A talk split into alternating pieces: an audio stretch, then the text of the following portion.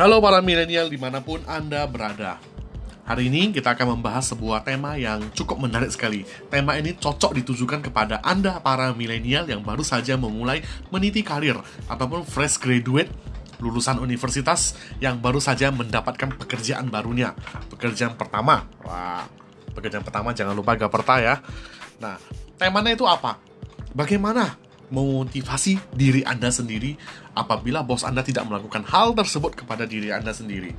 Kita ketahui ya, seorang bos ataupun istilah lainnya manajer atau atasan. Mereka itu adalah harusnya adalah seorang leader.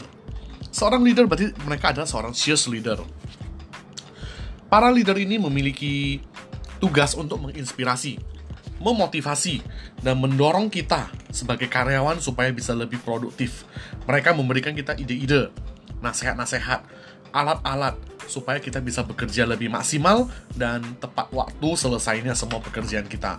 Mereka juga mengajari kita soft skill macam-macam semua. Dan juga memberikan kita dukungan secara moral dan support secara emosional ketika kita lagi down. Yang namanya manusia ya, kita itu pasti bisa down. Down akibat pekerjaan kantor ataupun akibat masalah pribadi di luar kantor.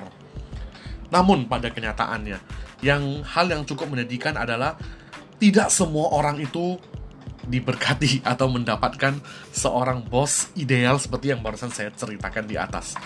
Ada beberapa bos, saya tidak mengatakan semua ya, saya mengatakan ada bos yang bahkan tidak peduli dengan development Anda, perkembangan diri Anda. Bahkan ada yang menganggap, ah ya, Anda itu bagian dari tim kayaknya nggak diperlukan deh, mengganggu doang. Bahkan ada juga bos-bos yang tidak mau mengajari. Ibaratnya pelit ilmu. Nah, saya pernah menghadapi juga masalah seperti ini di saat saya pertama kali memulai karir di dunia direct selling, manajemen perusahaan direct selling atau yang kita kenal dengan network marketing atau MLM.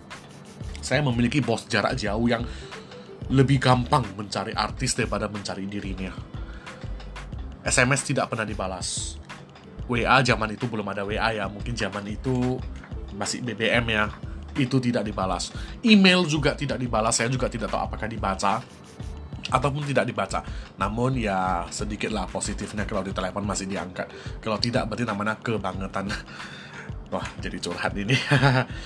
nah, jadi bos-bos seperti itu pasti pernah kita hadapi di mana pun Anda bekerja. Bila Anda ketemu bos seperti itu, apa respon yang Anda ambil?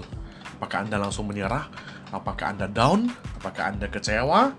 Dan pastinya jangan dong masih banyak solusi. Kenapa? Bila hari ini bos Anda tidak mau memotivasi Anda dan tidak mau mengajari Anda, jangan khawatir. Anda sendirilah yang memotivasi diri Anda sendiri. Kenapa demikian? Kembali lagi ke pertanyaan paling dasar. Wahai para milenial, kenapa Anda mau bekerja? Pastinya Anda memiliki impian ya, betul ya? Contohlah macam-macam, Anda ingin membahagiakan orang tua, ingin membawa orang tua ke luar negeri jalan-jalan, pengen beli rumah, pengen beli mobil, mencari modal nikah, dan macam-macam. Jadi itu adalah impian dasar membuat kita mau bekerja. Coba saya tukar. Anda bayangkan, pernah nggak ada orang yang motivasi kerjanya itu supaya bos saya naik gaji? Atau mungkin motivasi saya bekerja supaya atasan saya naik pangkat. Ye, boro-boro. Mana ada orang yang mau ya mikir kayak gitu ya. Bukan ngajari egois ya, tapi kenyataan. Kita itu bekerja untuk diri kita sendiri. Jadi, saya agak merasa aneh bila ada orang yang berkeluh kesah. Aduh, bos saya itu Donald Bebek yang duduk di sebelah sana itu itu sifatnya jelek, tidak mau ngajari saya akibatnya saya nggak bisa sukses Bukan itu alasannya. Bila bos Anda tidak mau memotivasi diri Anda, Anda sendiri yang harus memotivasi diri Anda dengan memunculkan alasan terkuat kenapa Anda bekerja. Apa impian Anda? Berikutnya, bos Anda tidak mau mengajari Anda pelit ilmu. Hello, emang ilmunya itu hebat banget sekali ya? No. Us, kok jadi menyindir bos-bosnya jadinya ya. Maaf. ini saya tidak mengeneralisasi. Saya katakan sekali lagi, tidak mengeneralisasi.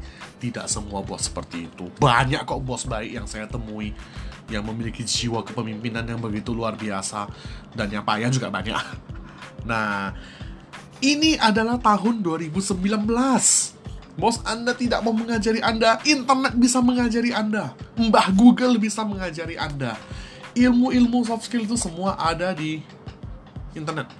Anda boleh mendengarkan podcast-podcast dari pembicara-pembicara yang terkenal. Mereka tuh banyak ide-ide, tips-tips dan teknik-teknik. Sepertinya, contohnya seperti podcast yang sedang Anda dengarkan ini. Nah, nah Anda juga bisa mencari channel-channel YouTube di sana banyak sekali seminar-seminar luar biasa yang mengajari Anda tips, trik bagaimana bekerjakan ini, melakukan itu. Nah, jadi informasi itu terbuka luas informasi itu ada di mana-mana. Yang penting Anda rajin browsing, mau belajar. Itu saja. Bila bos Anda tidak mau mengajari Anda, ya udah belajar sendiri. Emang gue pikirin.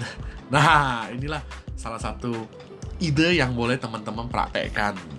Nah, saya bukan ngajari teman-teman untuk kurang ajar dengan bos ya, bukan. Anda harus dewasa dalam melihat situasi.